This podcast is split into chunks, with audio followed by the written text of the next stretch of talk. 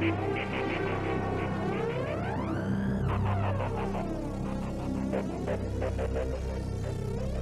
you.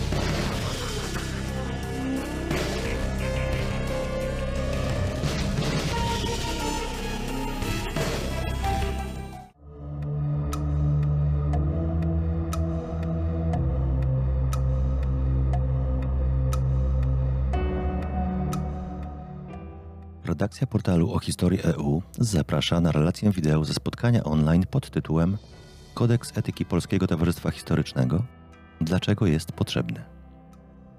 Z twórcami kodeksu, profesorem Krzysztofem Zamorskim z Instytutu Historii Uniwersytetu Jagiellońskiego, profesorem Dariuszem Stolą z Instytutu Studiów Politycznych Polskiej Akademii Nauk, profesorem Markiem Kornatem z Instytutu Historii Polskiej Akademii Nauk, rozmawia profesor Anna Ziembińska-Witek z Instytutu Historii Uniwersytetu Marii Curie Skłodowskiej.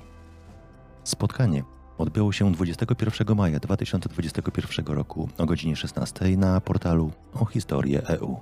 Relacja wideo jest dostępna w naszych mediach społecznościowych, kanale YouTube, Twitterze i Facebooku.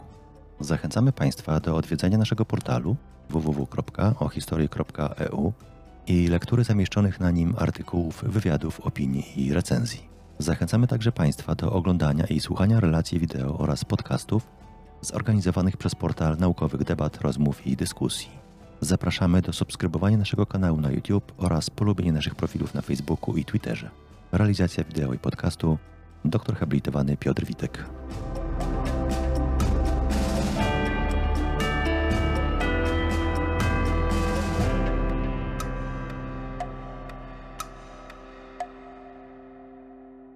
Dzień dobry Państwu. Nazywam się Anna Ziembińska-Witek i w imieniu swoim własnym oraz portalu o historię EU chciałam e, powitać naszych gości w bardzo arcyciekawej z mojej perspektywy rozmowie, debacie na temat e, kodeksu etyki.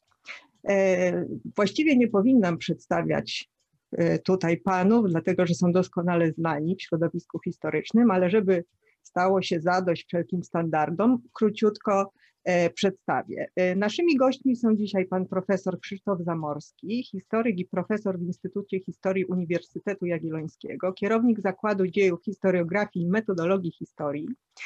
Pan profesor zajmuje się teorią historii, historią historiografii, historią społeczno-gospodarczą i demografią historyczną czasów nowożytnych i nowoczesnych. Jest autorem kilku książek oraz 150 artykułów i rozpraw, a także współredaktorem i redaktorem historyki.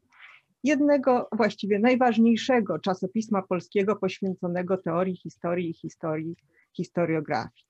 Kolejnym gościem e, naszym jest pan profesor Marek Kornat, historyk, sowietolog, eseista, kierownik Zakładu Dziejów Dyplomacji i Systemów Totalitarnych w Instytucie Historii PAN w Warszawie oraz Katedry Historii Stosunków Międzynarodowych na Uniwersytecie Kardynała Stefana Wyszyńskiego w Warszawie. Pan profesor specjalizuje się w zakresie historii najnowszej. W ramach pracy naukowej zajmuje się historią dyplomacji i stosunków międzynarodowych w XIX i XX wieku, polską polityką zagraniczną w latach 1918-45, dziejami polskiej i zachodniej myśli sowietologicznej, a także dziejami polskiej historiografii. Jest autorem siedmiu książek, redaktorem bądź współredaktorem kilku prac zbiorowych i wydawnictw źródłowych, a także ponad 200 artykułów naukowych i około 30 recenzji. Last but not least, pan profesor Dariusz Stola, pracownik Instytutu Studiów Politycznych PAN, członek Ośrodka Badań nad Migracjami Uniwersytetu Warszawskiego. W latach 2014-2019 pan profesor Stola był dyrektorem Muzeum Historii Żydów Polskich Poli. E, wykłada historię współczesną, prowadzi badania na temat migracji międzynarodowych w XX wieku, na temat zagłady Żydów, stosunków polsko-żydowskich, reżimu komunistycznego w Polsce i pamięci społecznej. Pan profesor jest autorem lub współautorem 10 książek, ponad 150 artykułów, stypendystą programu Fulbrighta i Fundacji Nauki Polskiej.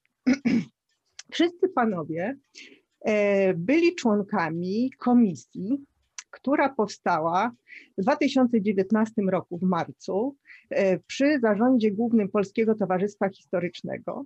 Komisja pod przewodnictwem profesora Zamorskiego opracowała projekt, który po wielu dyskusjach ostatecznie przyjęła w czerwcu 2020 roku. Projekt kodeksu etycznego został poddany konsultacjom, uwagom i ostatecznie zatwierdzony przez Prezydium Zarządu Głównego PTH. E, I właściwie w chwili obecnej Zarząd Główny podjął uchwałę o przyjęciu kodeksu etyki PTH i będzie on przedstawiony do zatwierdzenia na najbliższym walnym zgromadzeniu delegatów PTH. Czyli właściwie mówimy tu już nie o projekcie, a generalnie o kodeksie. Kodeks etyki historyka obejmuje podstawowe cztery części. Przede wszystkim zasady podstawowe, następnie badania historyczne i przedstawianie ich wyników, e, część trzecia historia w sferze publicznej i część czwarta stosowanie i zmiany kodeksu. I zasadniczo chciałabym, ażeby nasza dyskusja e, skoncentrowała się właśnie po kolei na tych e, fragmentach kodeksu, z tym, że chciałabym, żeby również niejako obejmowała, gdyż no, jest to powiązane ze sobą oczywiście, obecną sytuację historii jako nauki, jako profesji, e, trudną, powiedziałabym, sytuację i przy okazji tego kodeksu etyki chciałabym, żebyśmy również o tym porozmawiali. Pierwsze moje pytanie właściwie skierowane będzie najbardziej do profesora Zamorskiego, a przynajmniej chciałabym rozpocząć tutaj od tego, dlatego że pan profesor Zamorski w swojej bardzo świeżutkiej, ostatniej książce pisze o profesjonalizmie, o rosnącym profesjonalizmie zawodu historyka na przełomie XIX i XX wieku oraz o utopijnej, jak się okazało, ale wiele znaczącej z perspektywy naszej tutaj obecnej sytuacji i dyskusji, tak zwanej idei tak zwanej ekumeny historyków.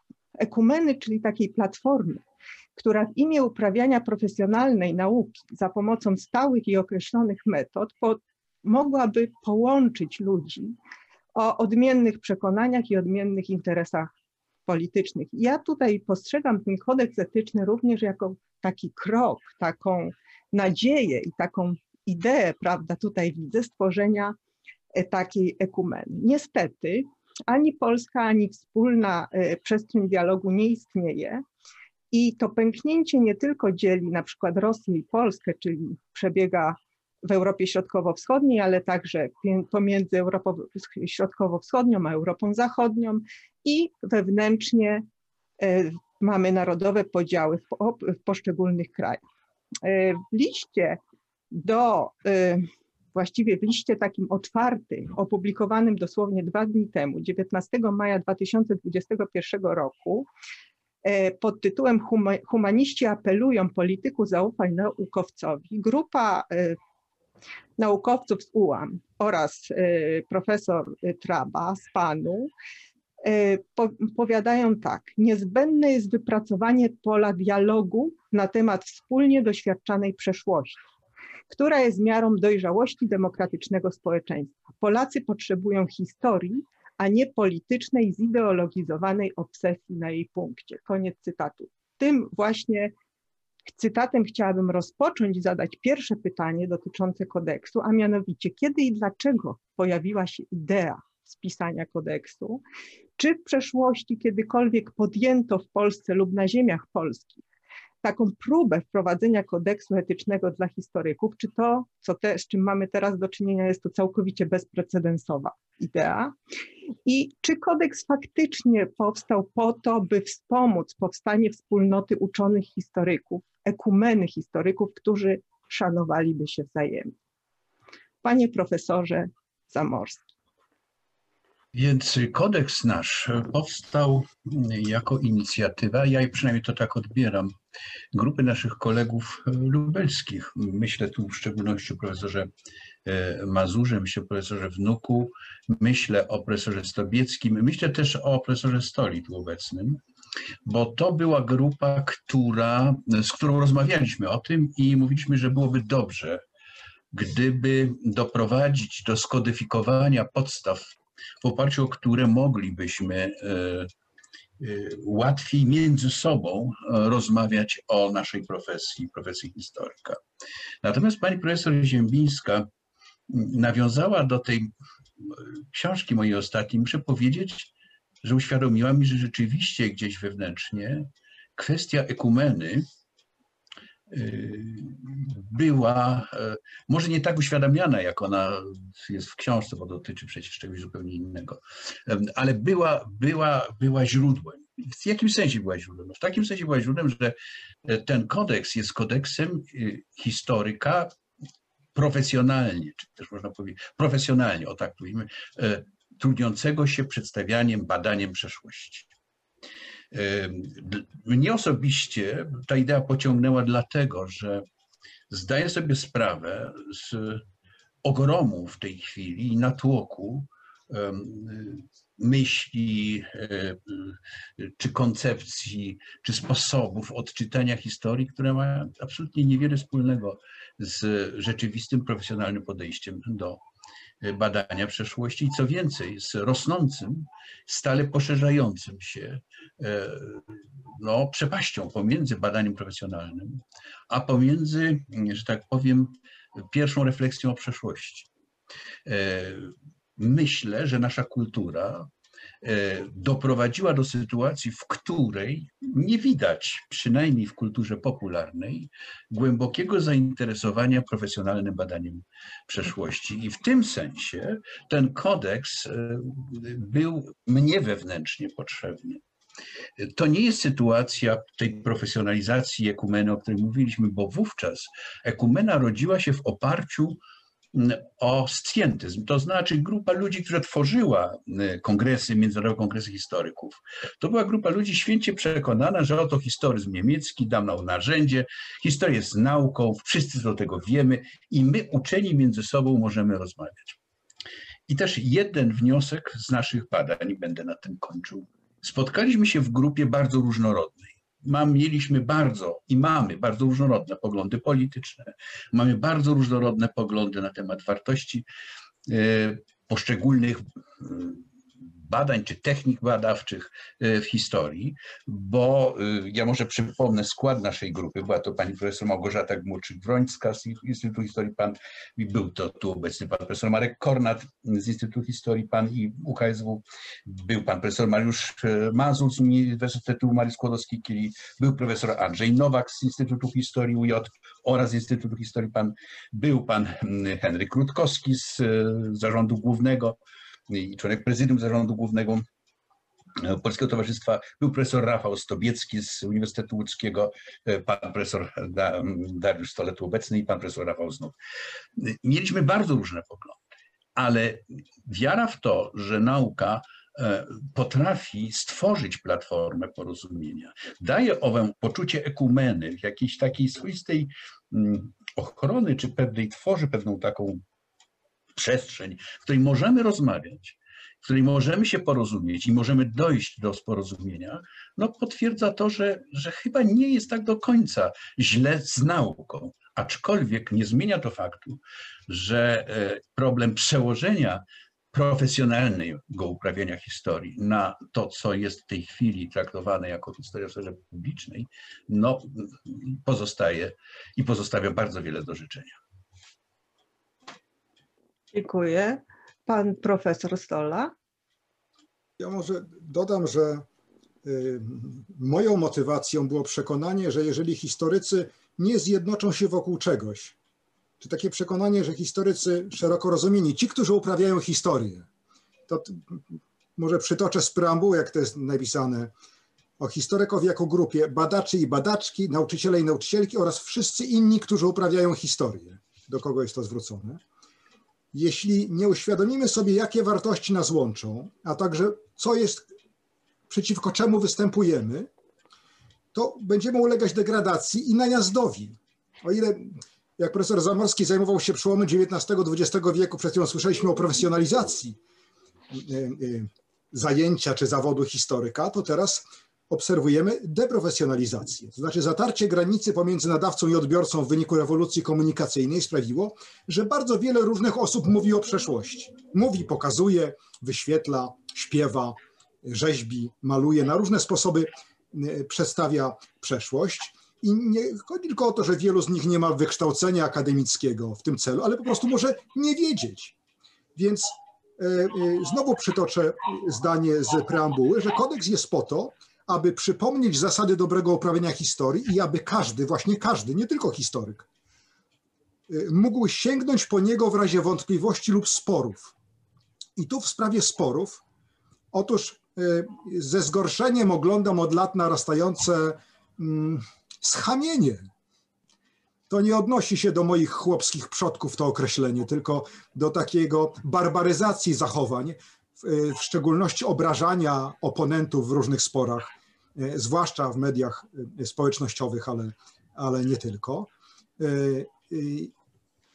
Jeżeli nie wprowadzimy samoregulacji, jeżeli sami jako historycy szeroko rozumieni nie ustalimy, co nas łączy i czego jesteśmy gotowi bronić, zdecydowanie bronić, czyli także potępiać zachowania, które łamią to, co jest dla nas cenne,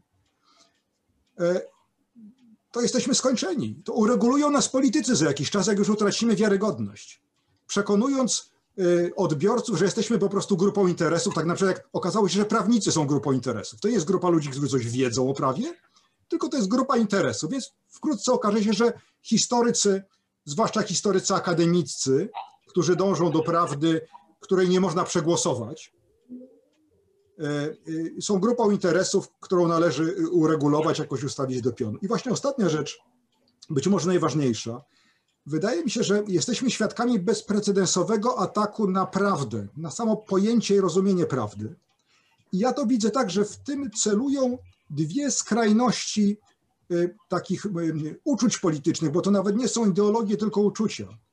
Dla ludzi o orientacji lewicowej, którzy dążą do równości i emancypacji, jest pragnienie wyzwolenia człowieka z bezosobowej tyranii prawdy. No bo jak to jest, że ja muszę coś przyjąć tylko dlatego, że to jest prawda, a ja nie chcę. Nie zgadzam się na to. Z drugiej strony, prawicowi autorytaryści, którzy mają rządzę władzy, również mówią nam, no jak to jest, przecież naród w większości oddanych wyborach zdecydował, że tak nie było. Nie chcę, żeby tak było, jak wy mówicie.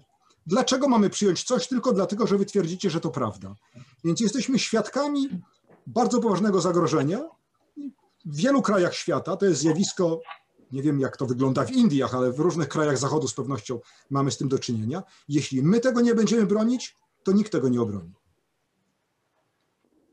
Dziękuję bardzo. Do problemu prawdy jeszcze powrócimy, gdyż tak naprawdę kodeks nie definiuje tego, czym jest prawda historyczna, ale jeszcze e, chciałam zapytać pana profesora Kornata, czy chciałby pan profesor coś tutaj dodać w tym e, temacie? Cóż, no, moi przedmówcy powiedzieli już dużo. Ja bym tylko y, może jeszcze właśnie Zgadzając się z tym, chciałbym dodać, że istotnie była potrzeba w naszym środowisku takiego namysłu nad zasadami, które powinny nam przyświecać, zebrania tych zasad, stworzenia jednolitego tekstu. Y, jeśli to się powiodło, to nie do, nie do mnie należy, czy to się powiodło, nie do mnie należy ocena, bo byłem w tej grupie, która nad y, owym projektem pracowała, ale wydaje mi się, że jest to jakiś krok do przodu. Y, kodeks oczywiście jest adresowany do wszystkich, y, do wszystkich, że tak powiem, ale wydaje mi się, że no najważniejsze by było, aby jakoś wiązał tych ludzi, którzy, y, którzy no, uprawiają historię no, tą akademicką, bo powiem szczerze, ja nie za bardzo wierzę, aby mam tutaj duże wątpliwości, czy na przykład dziennikarz e, poszukujący sensacji, traktujący, traktujący historię instrumentalnie będzie czuł się tymi naszymi wskazaniami związany. Tu już chyba, chyba tak to zostanie. Są to rzeczy nieuniknione. A więc przede wszystkim wydaje mi się, takie jest moje zdanie, że e, to unormowanie dobrego uprawiania historii e, poprzez takie, a nie inne zasady powinno wiązać tych wszystkich spośród nas, którzy się poczuwamy do uprawiania historii tej akademickiej. Tak jak mówił profesor Zamorski, istnieje oczywiście olbrzymie, y, olbrzymie pole, może nawet przepaść między ową historią akademicką, a tą historią, która jest w dyskursie publicznym. Y, ten drugi rodzaj wiedzy o przeszłości, czy nie wiem, czy jak to powiedzieć, jakiegoś pojmowania, rozumienia przeszłości y, nie jest, y, nie jest rzecz jasna y, no, kształtowany przez nas tylko. w dużym stopniu kształtowany przez media, przez te formy przekazu, które no, jakby to ująć, działają wedle własnych zasad i to, co my przekazujemy jako, jako badacze, nie musi mieć jakiegokolwiek wpływu na owe, owe sposoby podawania przeszłości w dyskursie publicznym. To jest problem, problem bardzo trudny, ale no nieunikniony, nie do uniknięcia. Tak po prostu widocznie, widocznie to być musi, bo nie jesteśmy w stanie chyba niczego innego tu zaproponować, aby to zmienić.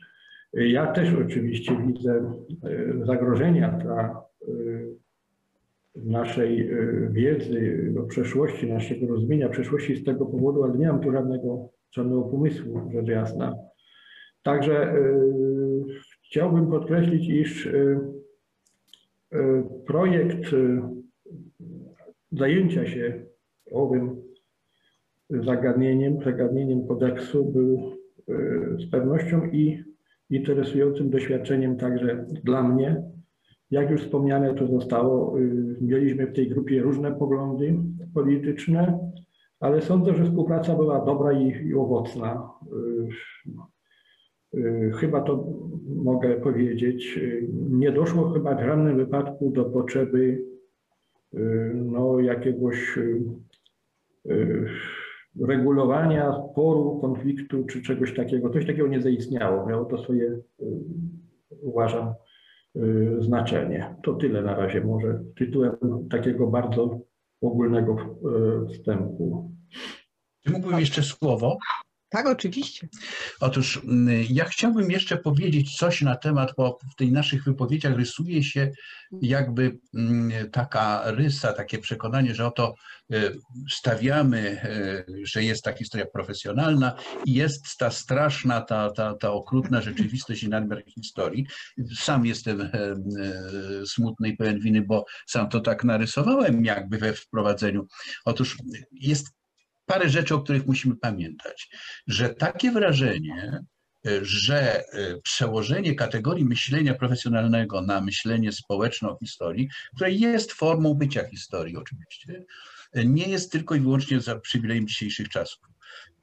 W wykładzie inauguracyjnym w Collège de France, Lucien Febvre tłumacząc sens powstania szkoły Annal, czasopisma Annal, mówił dokładnie o tym, o czym my tutaj dzisiaj w tej chwili mówimy, o ogromie obecności historii w otoczeniu społecznym, o tym, że na historii wszyscy się znają, że brakuje profesjonalnego podejścia. Tylko tyle, że od tamtych czasów my mamy za sobą rewolucję mito, mitodologiczną, mamy za sobą rewolucję pamięciową i mamy kwestię bardzo poważnych zmian w naszym kulturowym podejściu i rozumieniu mitu oraz pamięci e, i do tego właśnie historii. To powoduje, że nasza sytuacja jest chyba dzisiaj jeszcze bardziej skomplikowana. Ale to nie znaczy, że my chcemy powiedzieć, że, że ludzie nie mają prawa do myślenia o historii. Nie. Forma myślenia o historii, nieprofesjonalna forma, jest oczywistością.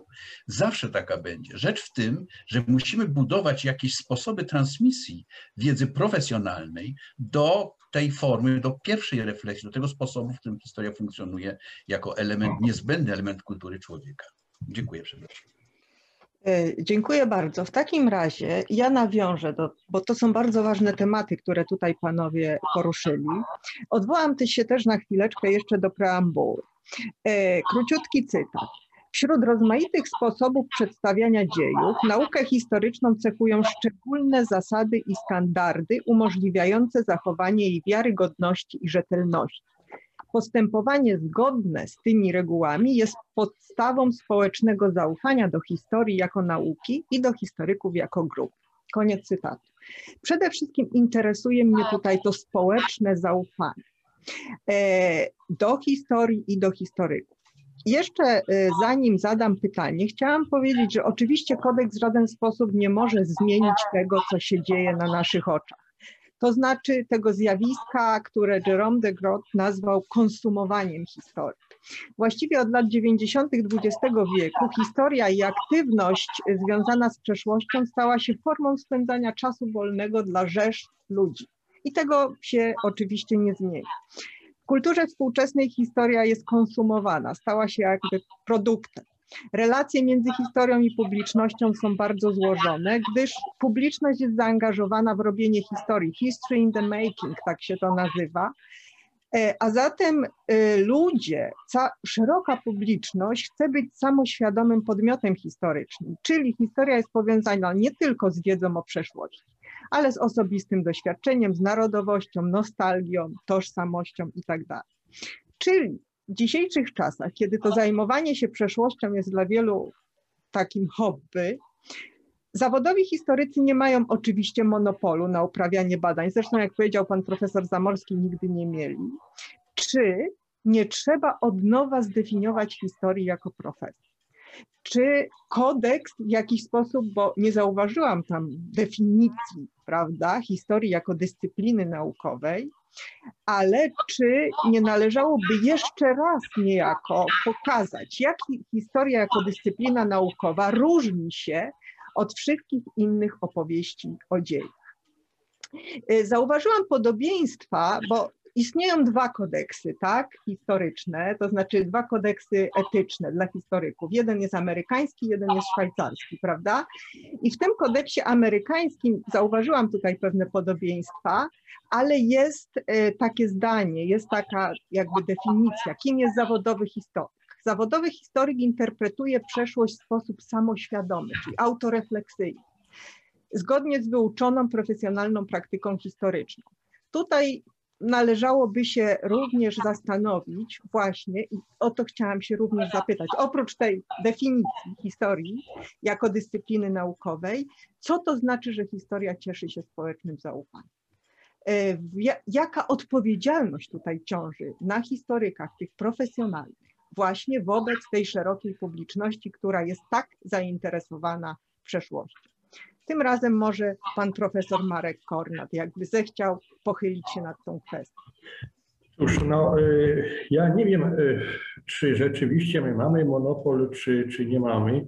Wydaje mi się, że y, zdobywanie wiedzy o przeszłości no jest naszą specjalnością dosyć ekskluzywną. Nie potrafię sobie wyobrazić, że górnik to zrobi albo ksiądz, y, albo, albo listonosz, y, to my, my, to my to mamy to zadanie.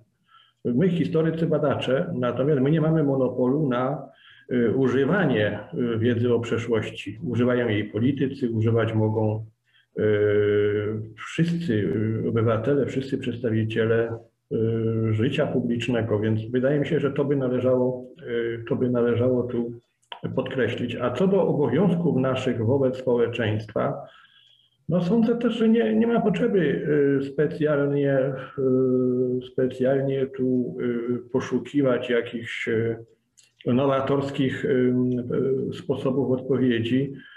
Mówić prawdę i tyle. A prawda jest zgodnością z rzeczywistością. Ja to tak widzę, najprościej jak można. Prawda jest zgodnością z rzeczywistością tym, co, tym, co zgodne z rzeczywistością, mówić prawdę i koniec. To jest właściwie wszystko, co mi przychodzi do głowy na tym momencie. W tym momencie. Pan profesor Stola. Y, oczywiście, że nie mamy monopolu. Co więcej, y, my nawet tracimy względną przewagę, którą przez jakieś 100 lat y, historycy mieli. To znaczy, w innym porządku społecznym niż obecnie zbudowane taki rodzaj zaufania do merytokratycznego autorytetu elit. W okresie, kiedy elity są pod ciężkim obstrzałem, y, każdy, kto twierdzi, że jego wiedza jest lepsza, dlatego że jest ugruntowana i zdyscyplinowana, powinien wzbudzać podejrzenie. A ja właśnie tak sądzę. Nasza wiedza o przeszłości nie jest jedyną wiedzą. Y, wiedzę o przeszłości produkują bardzo różni ludzie, natomiast śmiem twierdzić, że my dzięki temu, że robimy to właśnie samoświadomie, że pierwszym naszym zadaniem jest kwestionowanie własnych opinii, że robimy to w sposób ugruntowany, opierając się na źródłach, takich albo innych. I robimy to w sposób zdyscyplinowany, nie tylko przestrzegając logiki formalnej, ale jeszcze iluś tam zasad, które nasi poprzednicy wypracowali przez ostatnie mniej więcej 100, 150 lat, więc sądzę, że to jest lepsze. Czy to jest ciekawsze, równie atrakcyjne? nie jest równie atrakcyjny, bo kłamstwo zawsze jest bardziej atrakcyjne, bo jest dostosowane do odbiorcy. Kłamstwo jest budowane tak, żeby przekonać odbiorcę, natomiast my musimy przekonać odbiorcę i jednocześnie go nie oszukać. Więc rola jest podwójnie trudna, natomiast ja wierzę, że prawda ma swoją siłę łagodną, e, która działa nawet wtedy, gdy śpimy. Więc y, tu pokładam moją nadzieję właśnie w tej, w tej ukrytej y, sile. A y, wracając do, do kwestii tych, tych, tych źródeł, no to jak mówię, trzy rzeczy, na co zwracamy uwagę. Po pierwsze źródła, stąd wzywamy do ich ochrony, jak najszerszego udostępniania, chronienia, opracowywania itd. Tak po drugie, ogólne zasady uprawiania nauki, których nie rozwijaliśmy, bo one są, jest specjalny dokument Y, stworzony w Polskiej Akademii Nauk, który dotyczy uczonych różnych dziedzin i my dzielimy te zasady, ale mamy jeszcze pewne swoje szczególne, przy czym ten dokument on, to nie jest krótki traktat metodologiczny. Nie, on stwierdza, że uprawianie historii jest zajęciem moralnym, które wiążą pewne zasady moralne właśnie. I to, czy ktoś stosuje się do pewnej metodologii na przykład, ma też charakter moralny. Mianowicie czynimy wysiłek, żeby informacje, które dostarczamy innym ludziom, były jak najbardziej prawdziwe, żeby tam było jak najmniej fałszu. Może tak powiem. Może nie tyle przedstawienie prawdy, co odsiewanie fałszu jest naszym głównym, jest naszym głównym zajęciem. I dla mnie to jest zadanie, które ma charakter moralny. Można je robić dobrze nie tylko w sensie wysokiego profesjonalizmu, ale można, to, co robimy, jest dobre, albo to, co robimy, jest złe. Dziękuję bardzo. Panie profesorze Zamorski, czy coś jest do dodania? Myślę, że tak. Myślę, że tak. Myślę, że w szczególności mm, mamy do czynienia z sytuacją, bo skąd się bierze problem, czy potrzeby definiowania, jaki jest zakres nauki historycznej? No bierze się z cechy współczesnej kultury, którą określił taki bardzo ciekawy brytyjski współczesny teoretyk historii Bentley, mówiąc o tym, że cechą kultury końca ubiegłego i początku tego stulecia jest przesunięcie ontologiczne. Przeszłość została przesunięta do teraźniejszości Współczesny człowiek nie widzi różnicy między przeszłością i teraźniejszością. Nie widzi problemu w przypisywaniu przeszłości współczesnego systemu wartości, współczesnych terminów. Dlatego podjęliśmy, i jeśli pani profesor zada pytanie, o co chodzi w tym kodeksie, to ten kodeks mówi tak, szacunek do przeszłości i szacunek wzajemny. O szacunku wzajemnym być może będziemy jeszcze rozmawiać, bo jest bardzo potrzebny, ale Szacunek do przeszłości jest jednym z najistotniejszych wymogów etycznych pracy historyka, bo on powiada, żyjemy w innej czasoprzestrzeni, aniżeli czasoprzestrzeń, o której mówimy i którą opisujemy. Musimy być etyczni i zachować szacunek do tego, że ludzie żyjący kiedyś e, nie myśleli naszymi kategoriami. Żyli w innym społecznym otoczeniu. To jest trywialne, zda się. Ale wyobraźcie sobie, że w tej debacie, którą mieliśmy, jeden z podstawowych zarzutów, bardzo zresztą świetnych i bardzo dobrych krytyków naszego projektu, czyli młodej grupy tej związanej z Komisją y, Teorii Historii Polskiej Akademii Nauk, było, co to znaczy szacunek wobec przeszłości. Otóż szacunek wobec przeszłości powiada tak, nie możesz mówić o niewolnictwie w Rzeczpospolitej Szlacheckiej. Bo czym innym jest słowo niewolnik, niewolnictwo i pojęcie niewolnictwa dzisiaj i inaczej kwestie zależności pojmowano kiedyś. To jest problem że my przenosimy współczesny sposób myślenia, patrzenia w przeszłość. Szacunek do przeszłości zawiera się w tej pięknej maksymie e, Marka Bloka, gdy on mówił, e, tutaj już trawestuję, kto dał nam prawo do tego, byśmy sądzili naszych ojców według naszych zasad.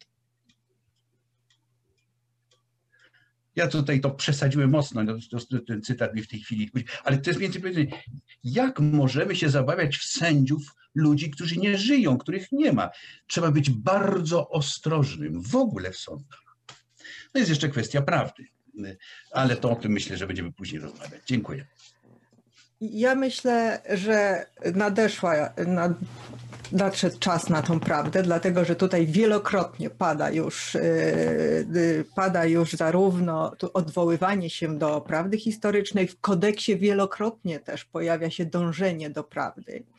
I to jest też to, co mnie bardzo nurtuje. Jak rozumieć prawdę historyczną? Kodeks w żaden sposób jej nie definiuje. Pan profesor yy, Kornat powiedział wyraźnie, że dla niego jest to zgodność sądów z rzeczywistością, czyli ta arystotelesowska koncepcja prawdy, która, jak wiemy, nauka historyczna ma paradygmatyczną strukturę i nie w każdym paradygmacie ta definicja jest aktualna. E, są paradygmaty, które inaczej definiują prawdę historyczną.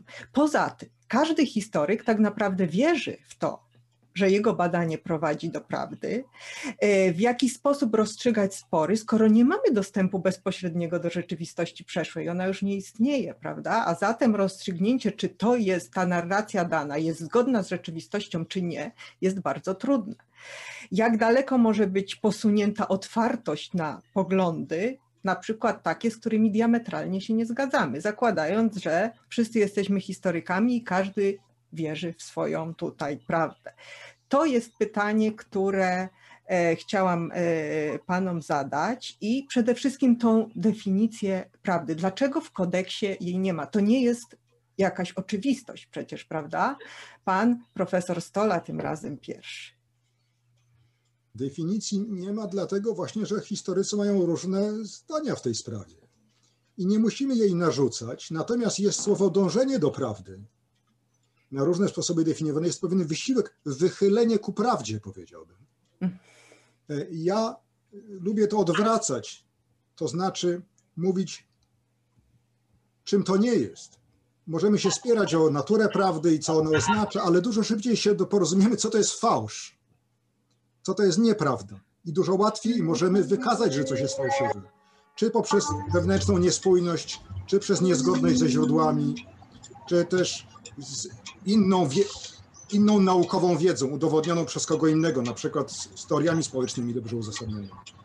Więc w tym sensie my nie musimy jej definiować, bo to by wywołało namiętne spory, takie, które trwają już od dawna pomiędzy różnymi historykami. One są zbędne.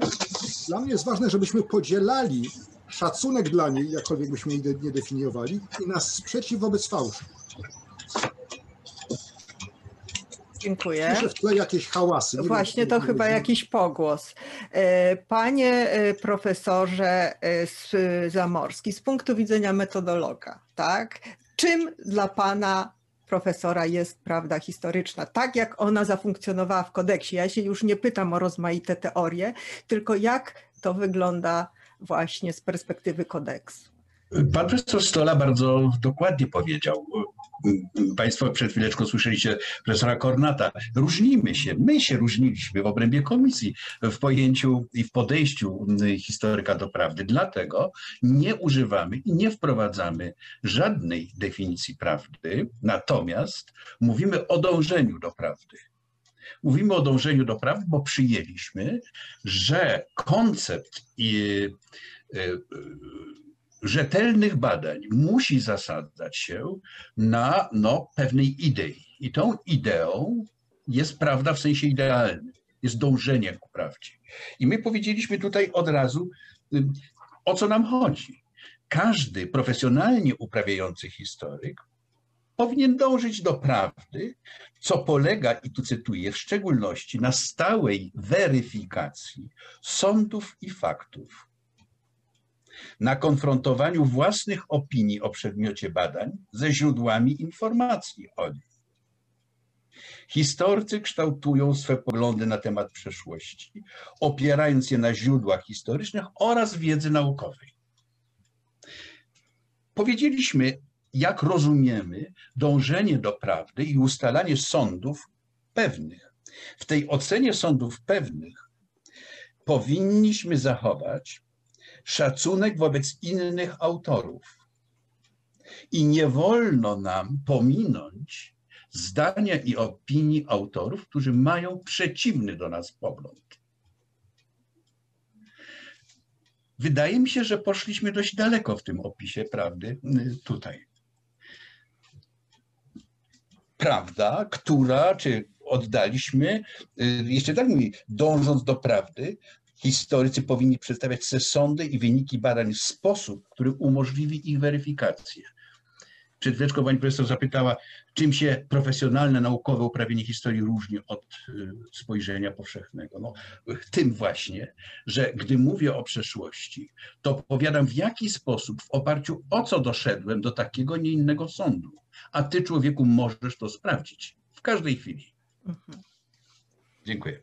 Dobrze, dziękuję bardzo. Ponieważ pan profesor Kornat powiedział, czym dla niego jest prawda, tak, to przy okazji, zanim oddam panu profesorowi głos, zapytam jeszcze właśnie o to rozstrzyganie sporów. Jak rozstrzygnąć spór na powiedzmy na podstawie kodeksu etycznego wobec e, dwóch historyków, którzy doszli do całkowicie odmiennych wniosków na podstawie tych samych tak naprawdę źródeł. W jaki sposób tutaj e, przeprowadzić taką analizę i przyznać któremuś z nich rację. Y, proszę Państwa, ja y, jeszcze chciałem, y, chciałem się odnieść do tej kwestii kodeksowego sformułowania o, o dążeniu do prawdy, więc ja go zaakceptowałem z pełnym przekonaniem o jego słuszności, ale rozumiem to w ten sposób, że ono jest dobre, niemniej prawda historyczna oczywiście istnieje. Jeśli nie ma prawdy historycznej, y, rozumianej jako zgodność sądu z rzeczywistością, no to wszystko jest daremne. To znaczy, że szukamy, y, szukamy sposobu do wyrażenia własnych projekcji, które nie mają nic wspólnego z rzeczywistością. Innymi słowy, tylko prawda jest ciekawa. Y, gdybym miał przed sobą książkę y, i autor tej książki mi ją ofiarował y, i powiedział, no wiesz, czy wie pan, no, to, to, to są moje własne projekcje wyobraźni przyszłości, nie szukałem prawdy historycznej, no to obiecuję, że ja bym ją przy pierwszej sposobności spalił. Mi to jest niepotrzebne. Szukam prawdy, prawdy, chociaż prawda może być nieosiągalna. To jest oczywiste. Może być bardzo, może być nieosiągalna. A więc postawa dążenia do prawdy jako konstytutywna cecha wydaje mi się tutaj bardzo ważna i dobrze, to zostało w kodeksie powiedziane. Druga sprawa, o której chcę jeszcze powiedzieć, wydaje mi się, że no, chyba tutaj nie ma między mną a profesorem e, Zamorskim różnicy, e, mianowicie bliższa mi jest wizja historyka jako tłumacza przeszłości niż sędziego. Ale tak do końca zgodzić się z tym, co mówił Fevre w tym wykładzie, y, który był tu cytowany, no jest, jest pytanie, czy, czy można, bo no, no nie wiem, kiedy historyk XVIII wieku pisze o zrywaniu sejmów przez jednego człowieka bardzo często, no to, no to czy, czy nie, nie powinien jednak dać pewnej oceny tego, nie wiem. Czy kiedy historyk pisze o pakcie Ribbentrop-Mołotow i, i rozpoczęciu II wojny światowej, to, to, to, też powinien uniknąć e, jakiejkolwiek opinii? E, no wydaje mi się, że no jest, to, jest, jest to problem. Natomiast generalnie zgadzam się z tym, że bardziej przemawia do mnie idea historyka tłumacza przeszłości niż sędziego ludzi z przeszłości. A co do pani profesor pytania teraz, e, mianowicie, no cóż, Y, to jest tak. Sądzę, że to poniekąd będzie naturalne, że dwóch historyków pisze na ten sam temat i dochodzą do innych wniosków czy ocen. Nie wyobrażam sobie, żebym jako historyk polski miał taki sam pogląd na temat na przykład Fryderyka Wielkiego niż jak Niemiec, prawda? Możemy dyskutować, możemy uzgadniać swoje podejścia jakoś, zbliżać się do siebie, ale wydaje mi się, że będzie różnica zawsze. Y, albo historyk polski i rosyjski o Katarzynie II, jak będzie rozmawiał. Też będzie podobnie. Y, myśmy wczoraj mieli interesującą konferencję, też w tej formie przez ekran, jak dzisiaj, z Rosjanami o traktacie ryskim. I te różnice były, ale różnice były mniejsze niż oczekiwałem, kiedy, kiedy wchodziłem na antenę, że się tak wyrażę. Y, to jest nieuniknione. Problem się pojawia wtedy, kiedy historyk jeden pisze, że druga wojna światowa była E, podaję, podam jako przykład, rozpoczęta wskutek, e, e, wskutek agresji Niemiec na Polskę, a drugi powie, że to Polska napadła. Tu jest problem. No i to zjawisko występuje, tylko że no ja nie wiem, myśmy zresztą napisali w tym, w tym kodeksie naszym, że intencją naszą jest apel o to, aby jak najmniej było regulacji prawnych e, wkraczających w materię dociekania e, prawdy o przeszłości. Mi się wydaje, że to chyba, chyba jest dobra postawa. Nie mam tutaj zdania. Na pewno mamy do czynienia dzisiaj ze zjawiskiem na przykład zwanej historii alternatywnej, prawda? Jestem tutaj uważany za jednego z rogów tego, e, tego zjawiska, czyli ostatni, ostatnia odsłona tego to jest opowieść o tym, jak to Władysław Studnicki chciał Polskę zbawić, zawierając sojusz z Niemcami w 1939 roku, prawda? No to jest właśnie to, to zjawisko, zjawisko kwestionowania wszystkiego i, i w, ogóle, w ogóle robienia historii inaczej, czyli bez źródeł po prostu, bez źródeł, bo, bo taka jest rzeczywistość, ale to jest inny, inny, inny trochę problem, może jeszcze go poruszymy w naszej dyskusji. Dziękuję bardzo. Pan profesor Stola chce Ja chyba zareagować. Tak. z szanownym przedmówcą. Bo cóż to byłaby za prawda, gdyby ona była ograniczona przez granice narodowe? Co to za prawda by byłaby? Gdyby była polska prawda, rosyjska, niemiecka, amerykańska i luksemburska.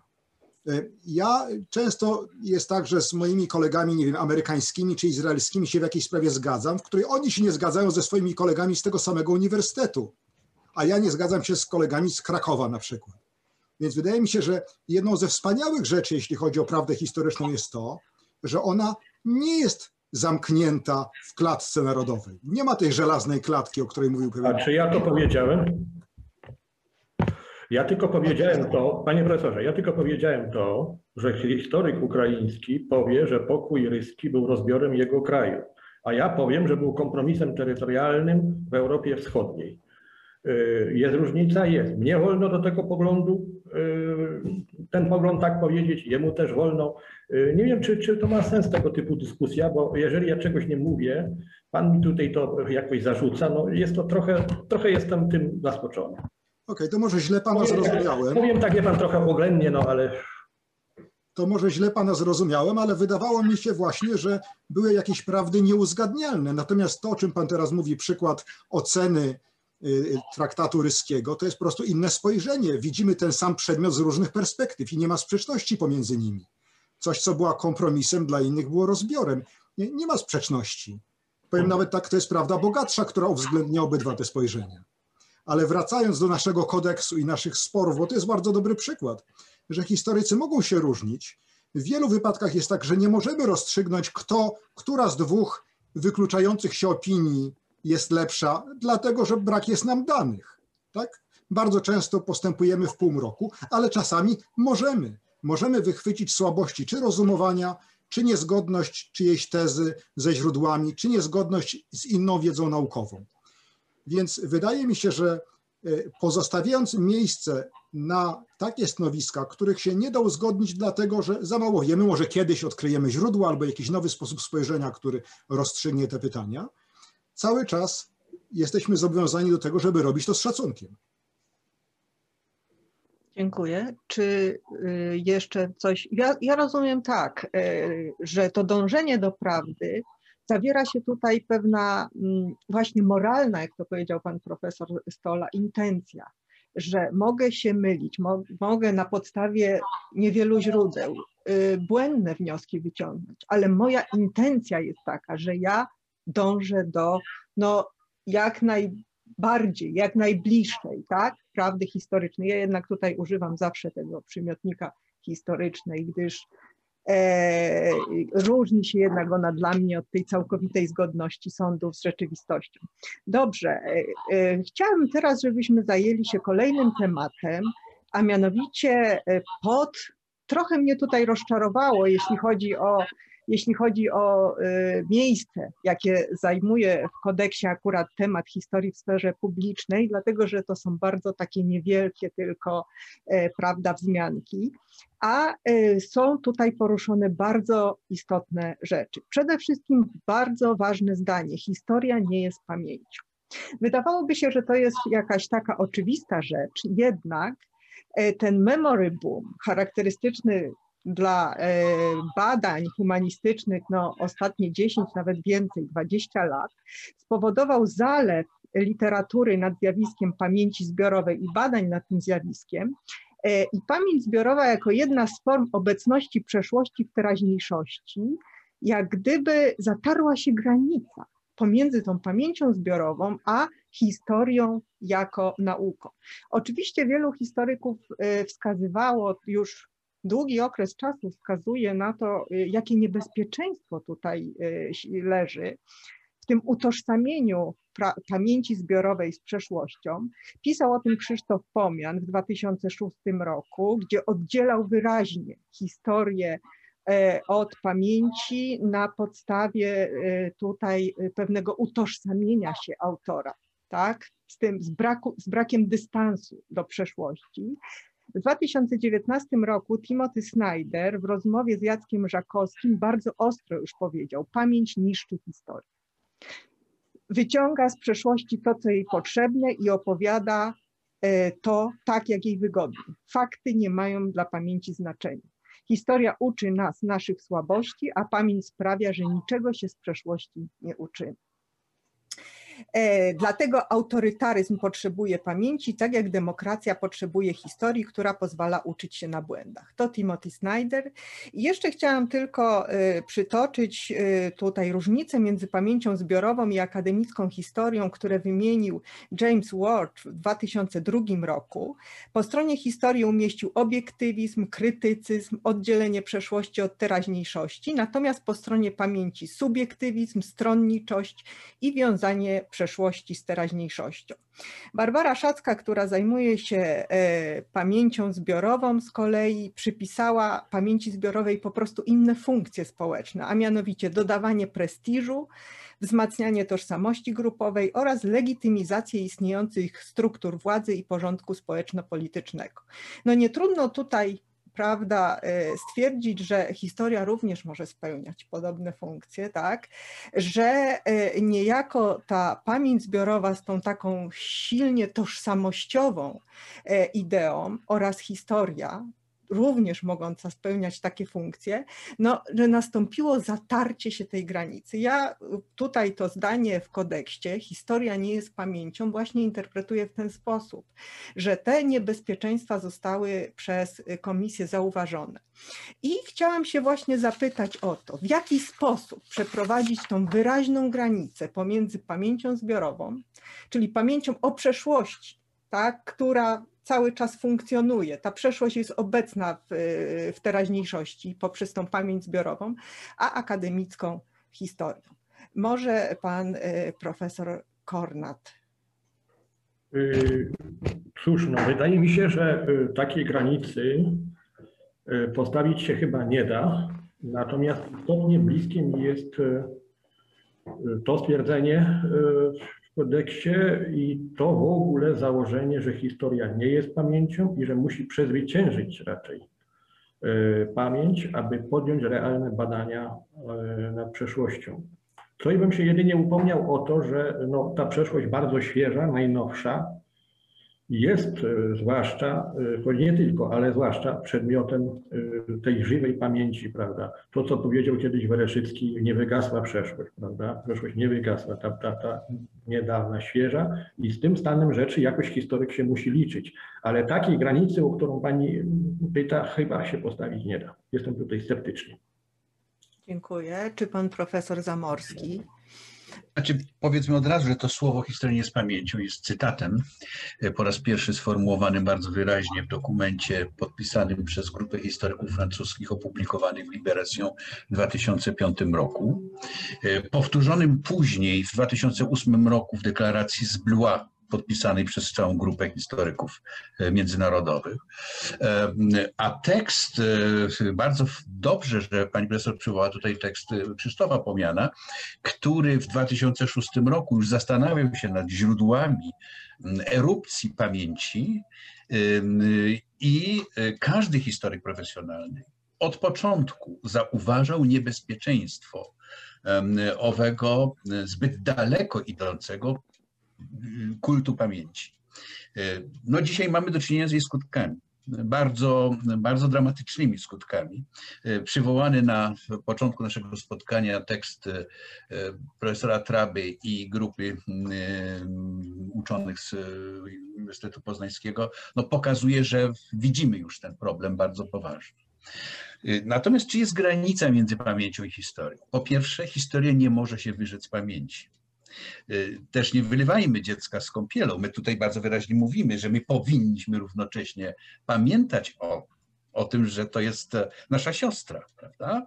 Co, co więcej, ona jest obecna u, u, u narodzin historii, prawda? E, wszak Mnemozynę no, miała ścisły związek z Klią. I to ten związek, to o tym związku trzeba pamiętać. On jest stały, on istnieje.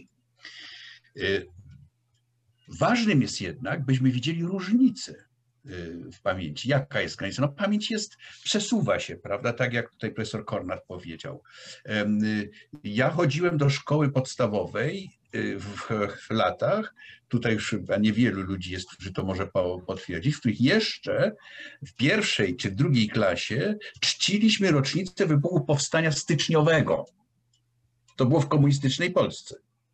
Kto dzisiaj pamięta o rocznicy wybuchu powstania styczniowego oprócz niektórych radiostacji, które przytaczają to w tych porannych wiadomościach. Pamięć się przesunęła, natomiast wszyscy pamiętają, czy większość ludzi pamięta datę rocznicy zamachu majowego. Prawda? E, większość ludzi pamięta dzisiaj oczywiście e, wybory czerwcowe one żyją nas. Więc w tym sensie można powiedzieć, pamięć jest zjawiskiem, tak jak Pomian chciał powiedzieć, bardzo ważnym dla historyka, bo tam można i tam powinniśmy rozmawiać. To jest, pamięć pobudza ludzi do profesjonalnego zainteresowania historią.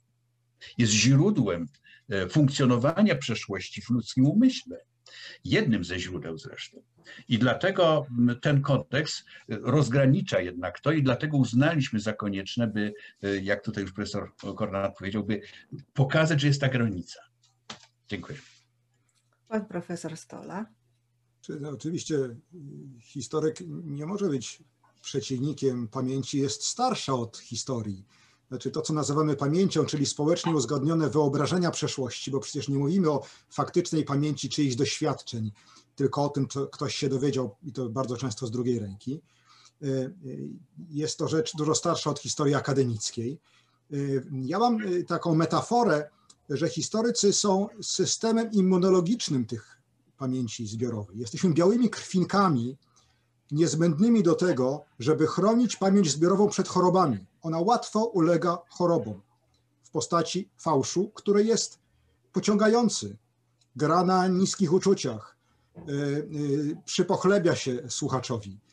E, więc pamięć potrzebuje historyków. W obydwie strony to działa. Historycy potrzebują pamięci, dlatego że ona jest źródłem zainteresowania naszymi książkami, między innymi.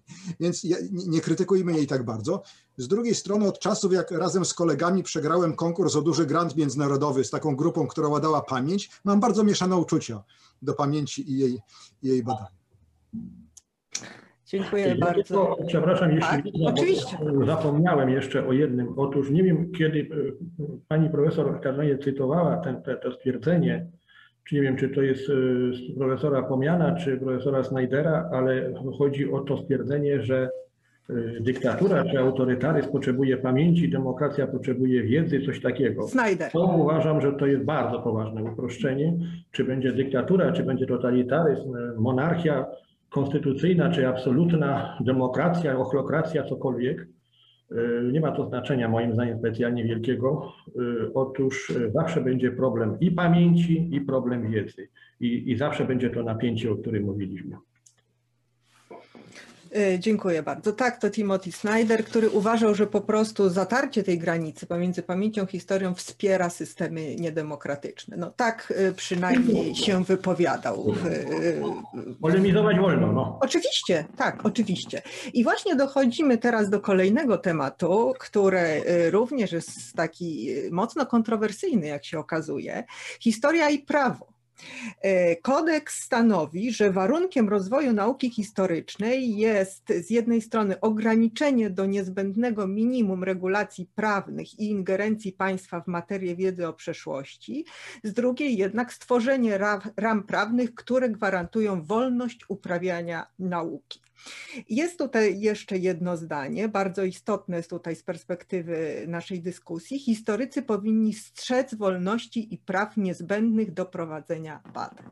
I teraz pozwolicie panowie, że przytoczę wyniki sondażu.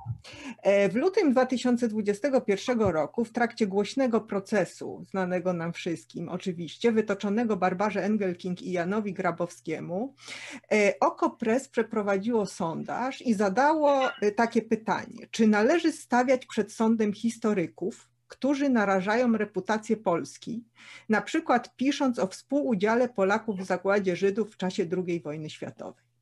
Stawienia e, przed sądem historyków narażających reputację Polski chce 39% respondentów. Nie wiem, czy pocieszające jest to, że no jednak nieznaczna większość, 51%, e, nie odpowiedziała oraz raczej nie. E, profesor Michał Bilewicz, który komentował te wyniki, pisze, że potrzeba cenzurowania historii bierze się z konformizmu społecznego, ludzie są zamknięci na nową wiedzę, a także bierze się z niepewnej narcystycznej tożsamości narodowej. Ale moje pytanie związane z historią i prawem, a także również i z tym procesem, i z tym sondażem jest takie. Czy historyk może zniesławić sprawcę? Podając na przykład jego nazwisko w pracy naukowej. Czy są to dane drażliwe? E, czy w, i w jaki sposób historyk może strzec tych wolności i praw niezbędnych do prowadzenia badań właśnie w kontekście prawnym? Co możemy zrobić? Jakie mamy narzędzia oprócz listu protestacyjnego i tak dalej? Czy u, właśnie takie sformułowanie tego w, w kodeksie nie jest niejako po prostu jakąś taką iluzją, tak naprawdę, pobożnym życzeniem, że mamy wpływ tutaj na tego typu e, właśnie działania. E, panie profesorze Stola, od pana chciałabym zacząć w tym momencie. Oczywiście wpływ każdego z nas oddzielnie na bieg tego świata jest ograniczony, ale lawina tak obieg swój zmienia, po jakich toczy się kamieniach, że poetę zacytuję. I, i, i mm, pamiętam, jak z pałającymi policzkami czytałem te wiersze w latach 80. jako młody student historii, ale one nie straciły na, na aktualności. Więc to jest przeciwko poczuciu y, bez siły. A może tak, nawet jak jesteśmy bezsilni, to jeszcze nie jesteśmy bezradni. Naszą siłą jest myślenie. E, więc y, bronię się przed, przed tą sugestią, przed chwilą, którą od Pani usłyszałem, że, że nic nie możemy e, zrobić. Pierwszą rzecz, którą możemy robić, kiedy widzimy zagrożenie dla tych wolności, to jest mówić to. Nie udawać, że ich nie widzimy. Może ktoś się z nami nie zgodzi, może się mylimy, może jesteśmy przeczuleni, niech się ktoś nie zgodzi. I znowu zacznie się dyskusja, zacznie się rozmowa.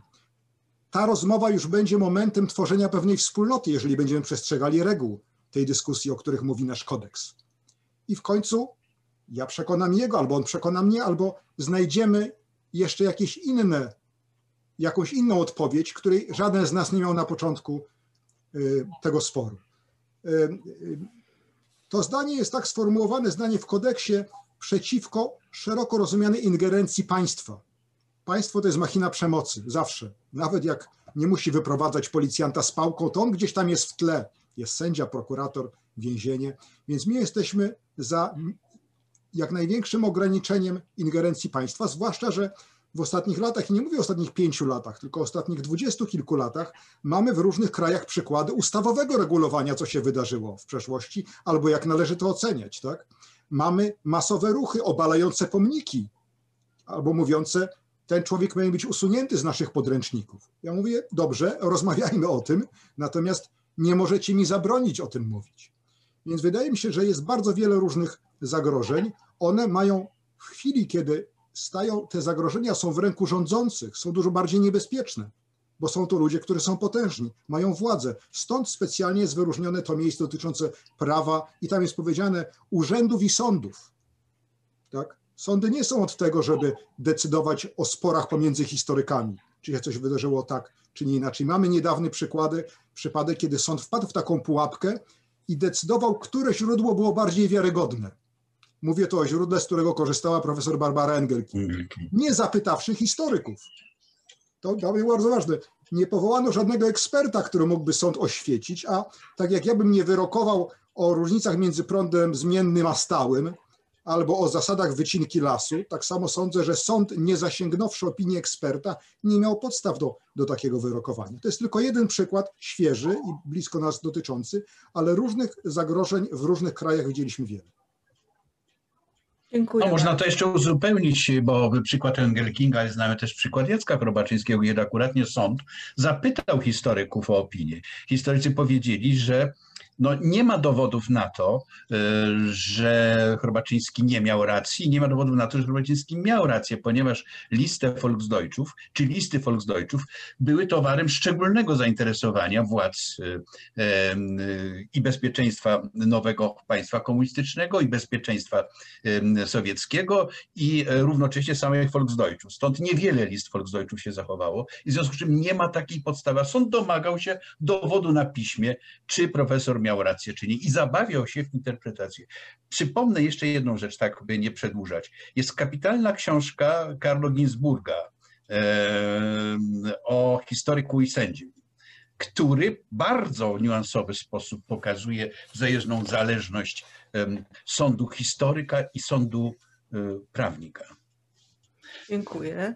Y, A co z tym zniesławieniem? Szczególnie tutaj, panie profesorze, tylko dodam, dla historyków zajmujących się historią najnowszą. To jest bardzo istotne. To nie W można kodeksie, w podać kodeksie bardzo wyraźnie napisaliśmy, iż historyk musi wykazać, to jest napisane dosłownie, ogromną delikatność i ogromne, że tak powiem, ostrożność w sytuacji, w której może narazić drugiego człowieka na zniesławienie.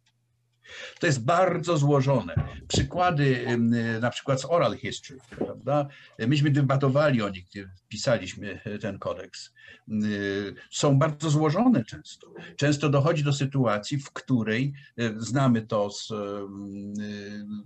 doświadczenia historyków pracujących w historii mówionej, prawda? Że dochodzi do sytuacji, w której warunkiem uczestnictwa świadka historii w mm, całym procesie zapisania jego doświadczenia jest to, że on domaga się anonimowości.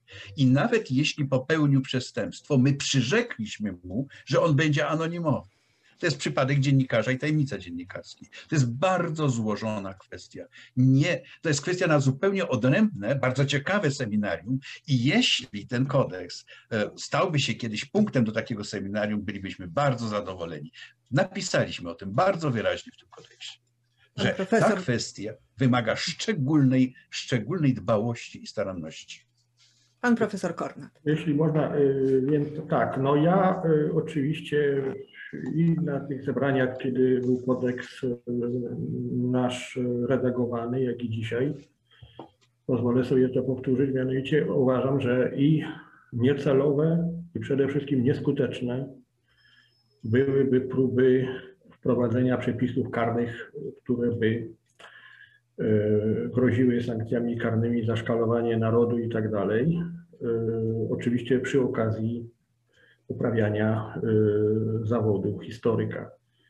Natomiast no, każdy człowiek ma prawo się bronić. Jeśli ktoś niesłusznie, zwłaszcza niesłusznie, bez dowodów źródłowych powie, że ojciec Iksińskiego był szmalcownikiem tak zwanym, konfidentem gestapo czy coś w tym stylu, to ci potomni jego mają prawo się bronić. Sam bym to robił i ten historyk, który się pomyli, nie może chodzić po kraju i się uskarżać, że opresyjne państwo rękami sędziów, prokuratorów go ściga.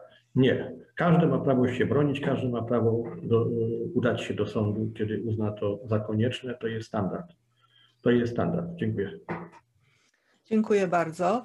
E, Jeszcze chciałam zadać ja jedno pytanie, a potem dopuścimy do głosu publiczność, bo tutaj zarządzający całością profesor Piotr Witek zbiera pytania od publiczności na, na czacie, ale ja jeszcze muszę zapytać o jedno. Historia i polityka. To jest też coś, co mnie żywo interesuje, gdyż kodeks wyklucza nadużywanie historii do rozpowszechniania ideologii, wizji politycznych, czy z- do sprzecznej z wiedzą naukową, e, do głoszenia sprzecznych z wiedzą naukową poglądów, a także sprzeciwia się bardzo wyraźnie fałszowaniu obrazu przeszłości. I teraz moje pytanie jest takie, czym jest nadużywanie historii i jej instrumentalizacja. Przecież nie każde wykorzystanie wiedzy o przeszłości w dyskusjach nad teraźniejszością jest nadużyciem, prawda? Ścierają się tutaj nam dwie takie koncepcje niejako nauk humanistycznych. Podstawowa przecież funkcja humanistyki w dalszym ciągu, jak pisze Ryszard Nycz, polega na formowaniu krytycznej samowiedzy oraz wrażliwości i sprawczej kreatywności tu i teraz współcześnie, czyli chodzi tu o społeczną przydatność nauki historycznej. E, gdyż e, humanistyka zaangażowana właściwie tutaj wychodzi z takim postulatem, ażeby e, właśnie rozwiązywać problemy społeczne, cywilizacyjnie istotne współcześnie, ażeby humanistyka była właśnie społecznie przydatna, co niejako automatycznie prawda, wskazuje, że historycy powinni zabierać głos w bieżących sprawach. E, druga koncepcja to jest pewien rodzaj izolacjonizmu nauki historycznej, to znaczy zamknięcia się w pewnych takich hermetycznych zagadnieniach, e, oczywiście czystej naukowo, profesjonalnie poprawnej, e, neutralnej i obiektywnej, przynajmniej to dążenie do obiektywizmu, ażeby zachodziło. A zatem tu mamy takie starcie tych dwóch koncepcji, i moje właśnie pytanie jest takie, kiedy właśnie możemy mówić o nadużywaniu historii, gdyż y, no tak jak y, powiedziałam już, ten ostateczny efekt pracy historyka w formie narracji historycznej bardzo często jest przecież połączeniem wiedzy źródłowej, pozaźródłowej, bardziej i mniej zasadnych hipotez czy spekulacji. Nie możemy tutaj mówić o takim czystym, prawda, produkcie, który będzie niejako e, efektem tego, no, tej pracy historyka, który całkowicie wyizoluje ją od współczesnych wydarzeń.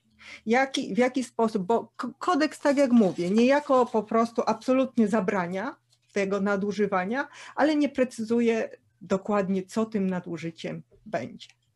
Pan profesor Zamorski dawno nie był pierwszy.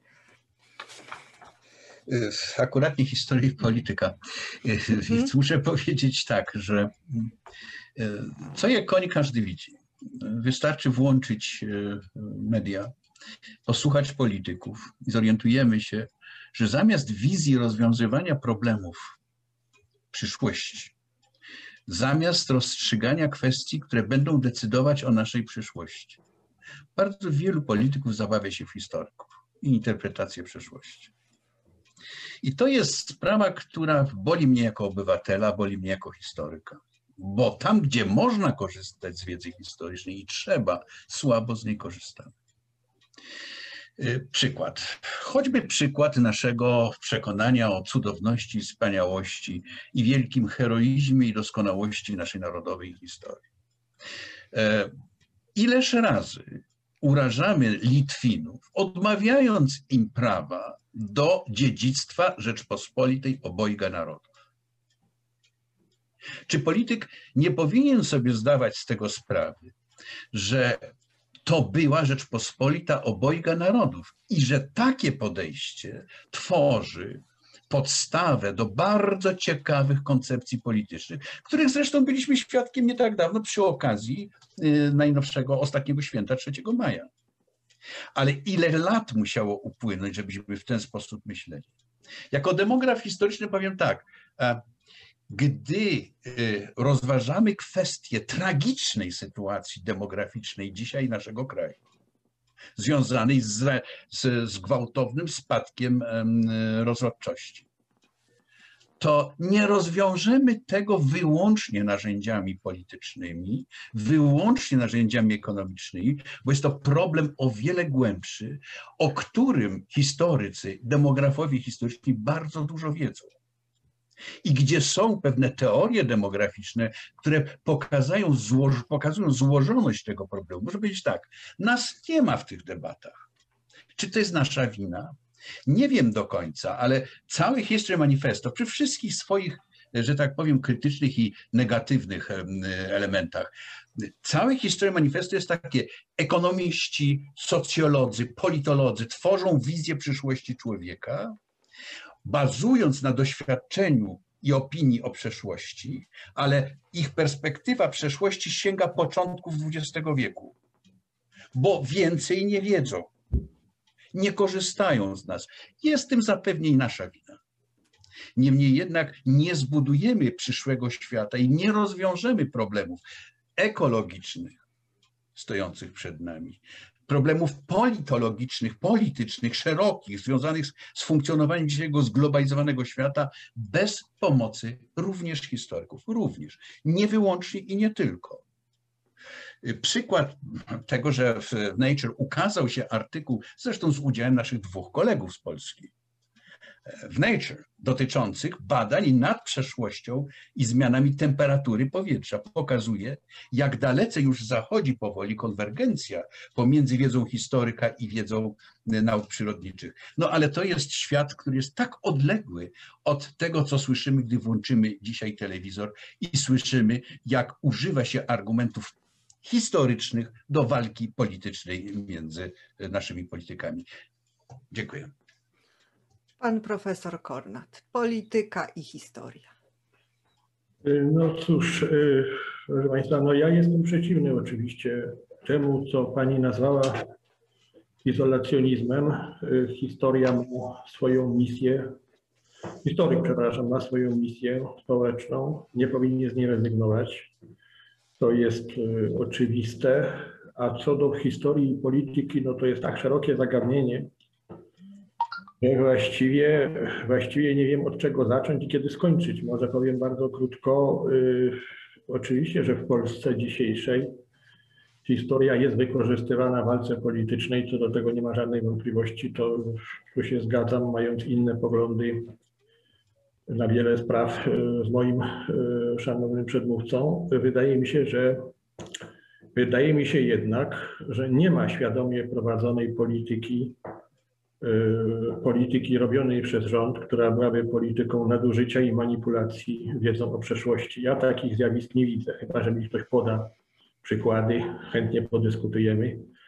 A co do tego przykładu, o którym mówił profesor Zamorski z Litwinami, no cóż, no sprawa wygląda tak, że Litwini to doświadczenie dziejowe, jakim była Rzeczpospolita obojga narodów, przez wiele, wiele lat przeklinali po prostu.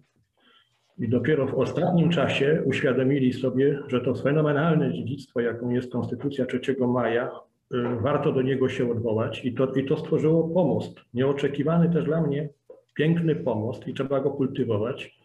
I to, że prez, y, prezydent Rzeczypospolitej zaprosił y, właśnie prezydentów z regionu na nasze wielkie święto 3 maja, no to piękny gest. Ale to najpierw tak było, że przeklinali.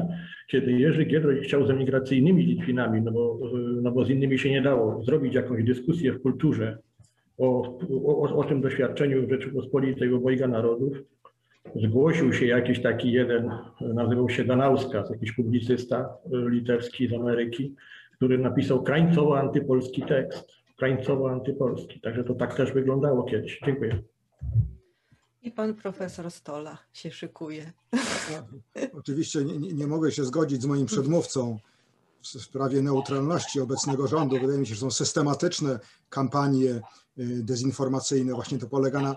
To wie jest takie y, świetne powiedzenie o kelnerze, który się myli, który się myli. No każdy kelner się myli, ale jeżeli kelner myli się zawsze na swoją korzyść, to znaczy, że jednak kradnie. Więc y, jak widzimy pewną powtarzalność błędów w komunikatach publicznych, to ja mówię, to nie są tylko błędy, to jest tendencja. Natomiast ja się cieszę, jak politycy sięgają po na przykład analogie historyczne, bo to by oznaczało, że może nas potrzebują wtedy właśnie w roli systemu immunologicznego. Bo, że strawestuję zdanie klasyka, fałszywa historia jest mistrzynią fałszywej polityki, fałszywych wyobrażeń, na których politycy żerują, zbijając kapitał polityczny, ale nawet w dobrych intencjach, kiedy chcą podnieść poczucie wspólnoty albo dumy jakiejś grupy i posługują się fałszywymi informacjami, to to jest właśnie fałszywa historia będąca mistrzynią czegoś niedobrego. Więc jestem też przeciwnikiem izolacjonizmu. To jest siła żywotna naszego zawodu, także zainteresowanie odwołania w sferze publicznej do wiedzy o przeszłości i nasza bardzo wielka rola, żeby chronić wspólnoty, do których należymy przed fałszem. Ja tylko Bronić. jedno, jedno zdanie ad vocem, mianowicie, no, tu by musiały być podane przykłady, to wtedy bym się ustosunkował. Pan profesor Zamorski jeszcze. Coś... To znaczy chodziło o to, by powiedzieć, o co nam chodzi, by bronić. My to bardzo wyraźnie tutaj sformułowaliśmy.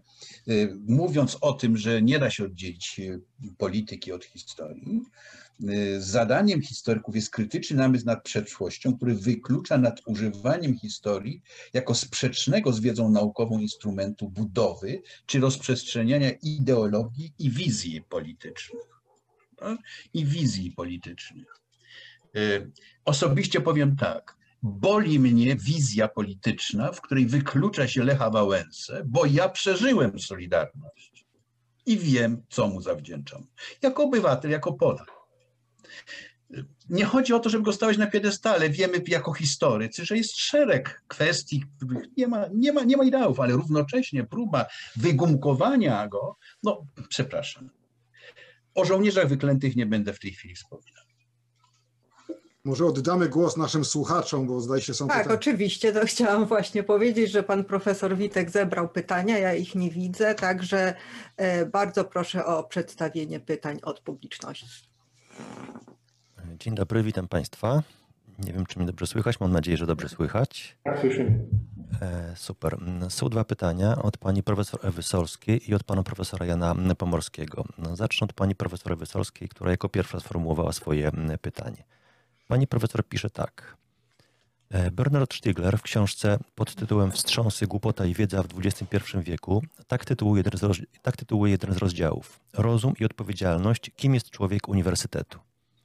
Parafrazując ten tytuł, również w kontekście przytoczonych w nim kategorii rozumu i odpowiedzialności, pytanie do autorów kodeksu. Kim jest historyk XXI wieku?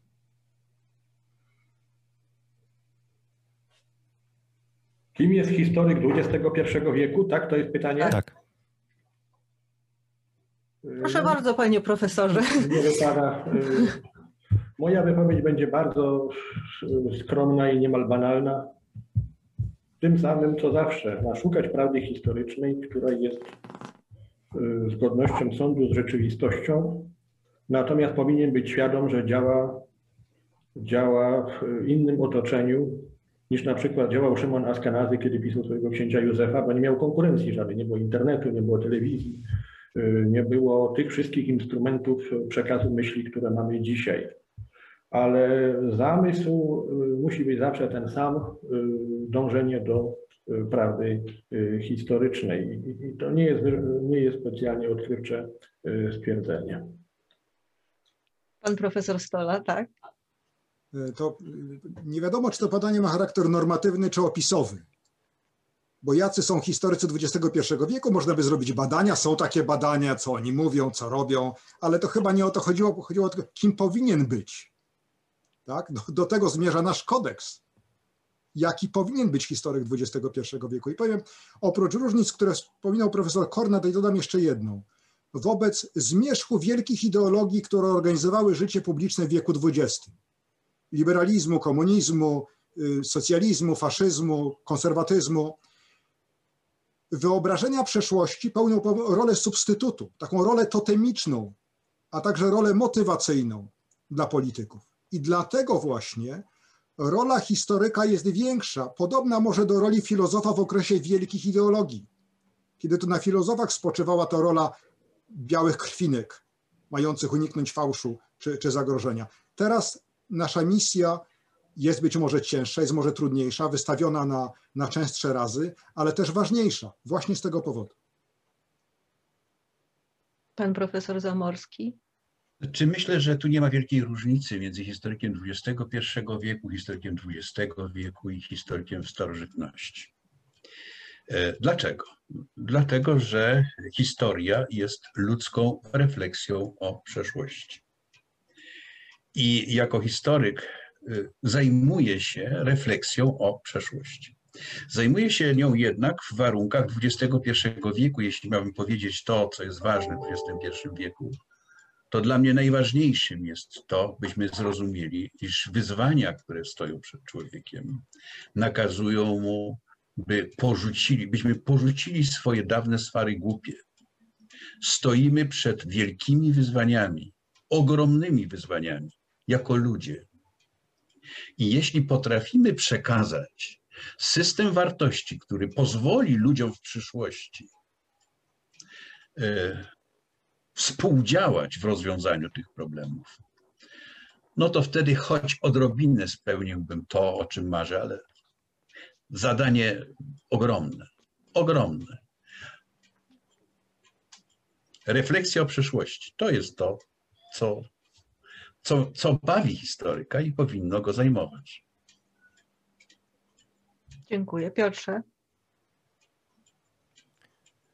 Pytanie od pana profesora Jana Pomorskiego. To są właściwie dwa pytania.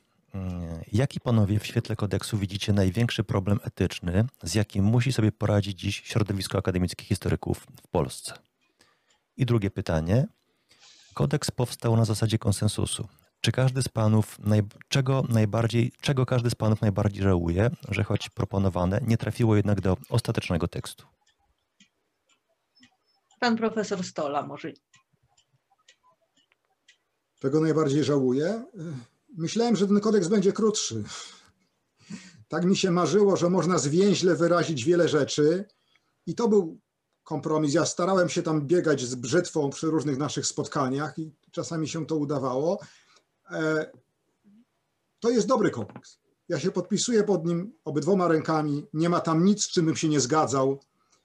E, e, więc moje kompromisy miały powiedzmy charakter redaktorski, a nie, nie, nie pryncypialny. A jaka była pierwsza część pytania? Przepraszam, bo już... Największe etyczne niebezpieczeństwo obecnie, tak. Z którym musi poradzić sobie środowisko historyków w Polsce? Tak jak powiedziałem, wydaje mi się, że ono płynie z podważenia pojęcia prawdy, podważania pojęcia prawdy. Z bardzo różnych motywów. Z pragnienia wyzwolenia ludzkości z bezosobowej tyranii prawdy. Tak jak marksiści wierzyli, że mogą wyswobodzić ludzkość z bezosobowej tyranii rynku, obalając kapitalizm. Bardzo chwalebny zamiar emancypacji, wyzwolenia człowieka od czegoś, tego władcy niewidzialnego, władcy bez twarzy. To teraz mam wrażenie, że wielu ludzi chce się wyzwolić spod tej tyranii, która mu nakazuje zgodzić się na coś, na co on się nie chce zgodzić, tylko dlatego, że to jest prawdziwe. Jeśli tego nie obronimy, Przegraliśmy jako historycy, przegrają wszyscy uczeni w naukach społecznych, humanistycznych i innych, ale sądzę, że też przegramy jako ludzie. Pan profesor Zamorski. Największym etycznym wyzwaniem przed historykiem dzisiaj jest walka ze stereotypicznością i stereotypizacją e, oglądu przeszłości. Czyli e, czyli kwestia, w której trzeba pokazać i wykazać różnorodność postaw, motywów i złożoność ludzkich działań w przeszłości. Ta złożoność ludzkich działań w przeszłości bardzo często jest sprzeczna z ogólnonarodowym, z ogólnospołecznym, z grupowym pojęciem, pojmowaniem świata. I to jest chyba największe wyzwanie, by potrafić, by potrafić E, dostrzec e, doświadczenie przeszłe jako doświadczenie budujące niezależnie od granic kulturowych, etnicznych. To jest ogromne wyzwanie etyczne, bo trzeba często łamać same swoje stereotypy myślenia i wyobrażania świata. Czego żałuję w kodeksie? W kodeksie żałuję, że zgodziłem się, ale nie było wyjścia, na to, że odstąpiliśmy od pojęcia obiektywizacji na rzecz intersubiektywności sądu. Dlaczego? Pan profesor Pomorski zrozumiał jako uczeń Jerzego Topolskiego, że odeszliśmy od mądrego pojęcia wprowadzonego przez Jerzego Topolskiego, które nazywa się obiektywizacją, na rzecz pojęcia dzisiaj łatwiej akceptowanego przez wielu, czyli intersubiektywności sądów. Dziękuję. I pan profesor Kornat. Y, cóż, proszę Państwa, no, y, w tym wypadku w 100% się zgadzam z moimi przedmówcami co do kwestii największego y, problemu etycznego. Dopowiedziałbym, cytując y, te słynne słowa y, Władysława Konopczyńskiego, że historia niech służy życiu, ale niech się nie wysługuje. Myślę, że to jest ponadczasowe. pokusa wysługiwania się, pokusa takiego właśnie uprawiania historii, które jest wysługiwaniem się, będzie chyba zawsze. Także jest niestety w naszych czasach i mimo, że od, od słów Konopczyńskiego, wypowiedzenia tych słów przez Konopczyńskiego upłynęło chyba 80 lat prawie, to są one aktualne. A co do, co do sprawy, co się nie znalazło, y, przypominam sobie jeden taki moment, kiedy pamiętam, że coś, jakiś fragment, y, fragment proponowałem i tam było zdanie, że no, poddajemy krytyce, czy pod, to nie wiem, potępiamy to za duże słowo, ale y, no mamy, mamy, proszę Państwa, dzisiaj to zjawisko, zjawisko zdobywania, zdobywania stopni naukowych w sądach poprzez, poprzez procesy. Jeśli ktoś nie dostanie rehabilitacji, no to idzie bardzo często do sądu. I to zdanie było jakoś przeze mnie formułowane, może niezbyt, niezbyt udolnie, w każdym razie się nie znalazło, a to jest kolejny poważny problem, y, bardzo poważny problem, no bo nie może być tak, że sędziowie dystrybuują tytuły, y, tytułami, tytuły naukowe. No, domyślają się Państwo, jak wielki to jest dzisiaj problem. Y, I to, to może się powinno było znaleźć, ale przecież nie sądzę, żeby to był powód do, do stwierdzenia, iż, y, poruszono, iż nie poruszono sprawy najważniejszej. W każdym razie na pewno jest tak, że ten problem się nam daje znaki. Y, coraz mocniej, zwłaszcza od czasu nieszczęsnej reformy Gowina, która wprowadziła pojęcie decyzji administracyjnej. Decyzją administracyjną jest y, każdy akt nadania stopnia, prawda? A więc podlega zaskarżeniu do sądu, no i coraz częściej się z tego korzysta, a przecież sąd nie może działać inaczej niż na podstawie, na podstawie ekspertyzy biegłych.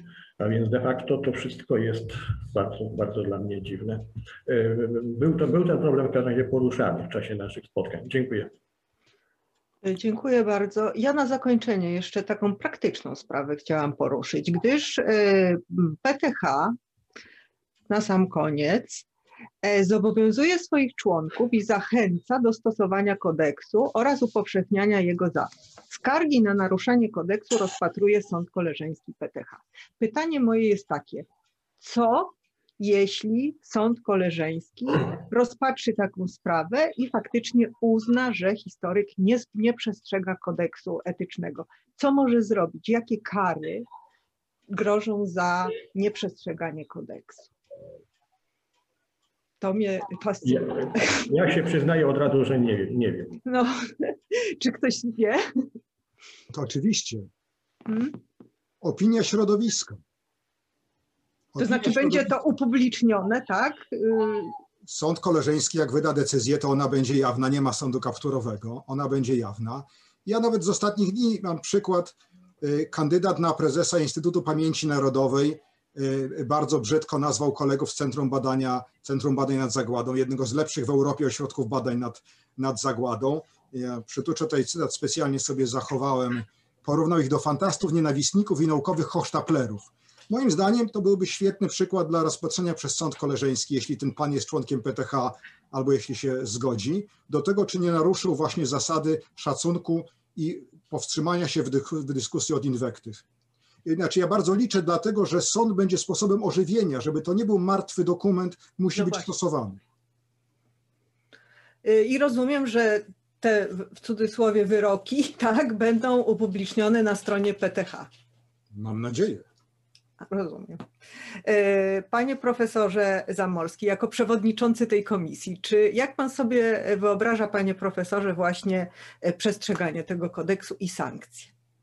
Znaczy, zacznijmy od istoty Polskiego Towarzystwa Historycznego, które jest towarzystwem jest towarzystwem. Tam e, nie ma, że tak powiem, e, obowiązku przynależenia, nie ma innego poza moralnym obowiązkiem e, poczucia wspólnoty i towarzystwo no, nie będzie nikogo wsadzać do więzienia.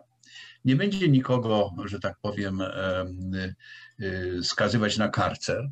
Natomiast może podjąć postępowanie, które będzie postępowaniem e, prowadzonym przez sąd koleżeński i może powiedzieć, że to nie jest godne towarzystwa.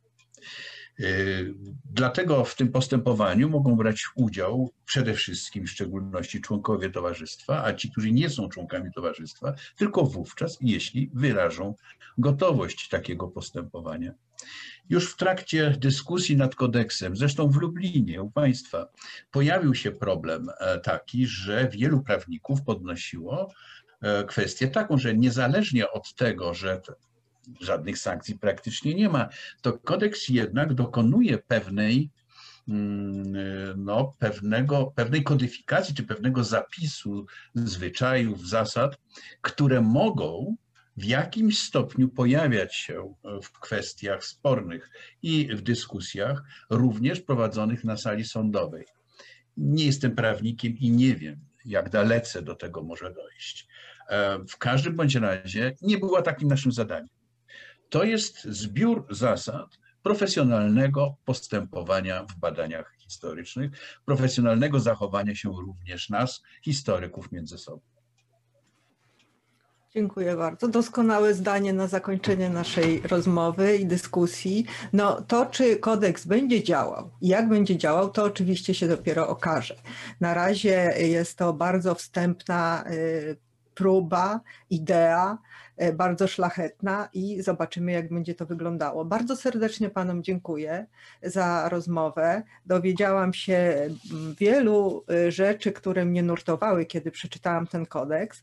E, Także życzę mu wszystkiego naprawdę najlepszego. Jeszcze raz dziękuję bardzo i do zobaczenia, do usłyszenia. Mam nadzieję, że do zobaczenia gdzieś w końcu na prawdziwej konferencji. No Dziękuję. wiem, że ogon rośnie, bo po raz jak wiecie, ogon rośnie, ale z moim przyjacielem również o innych poglądach politycznych z Warszawy zapowiedzieliśmy sobie, że jak nam ogon urośnie, to się powiesimy na ogonie pod Zamkiem Królewskim w Warszawie i będziemy sobie pić piwo. Jeśli, jeśli można na zakończenie jeszcze jedno zdanie tylko, mogę? E, Chciałem tylko powiedzieć tyle, że właściwie no, szkoda, że mm, na, w naszej dyskusji nie, nie odezwali się krytycy kodeksu, tak? bo z tego co pamiętam i wiem, na Facebooku k- kodeks był bardzo mocno krytykowany z bardzo różnych stron. E, Te zarzuty były e, bardzo, bardzo różnorakie. E, No szkoda, że nikt z krytyków nie zechciał w ogóle tak, wziąć udziału w tym, w tym naszym spotkaniu i żeby te, te zarzuty sformułować. Także no, mam nadzieję, że ta dyskusja jeszcze będzie trwała i że będzie, będzie inspirująca. Będzie trwała, bo będzie film chyba zawieszony do oglądania, także na pewno będą komentarze. Dziękuję bardzo i do zobaczenia. Do widzenia Państwu. Dziękuję bardzo. Dziękujemy. Widzenia. Dziękujemy.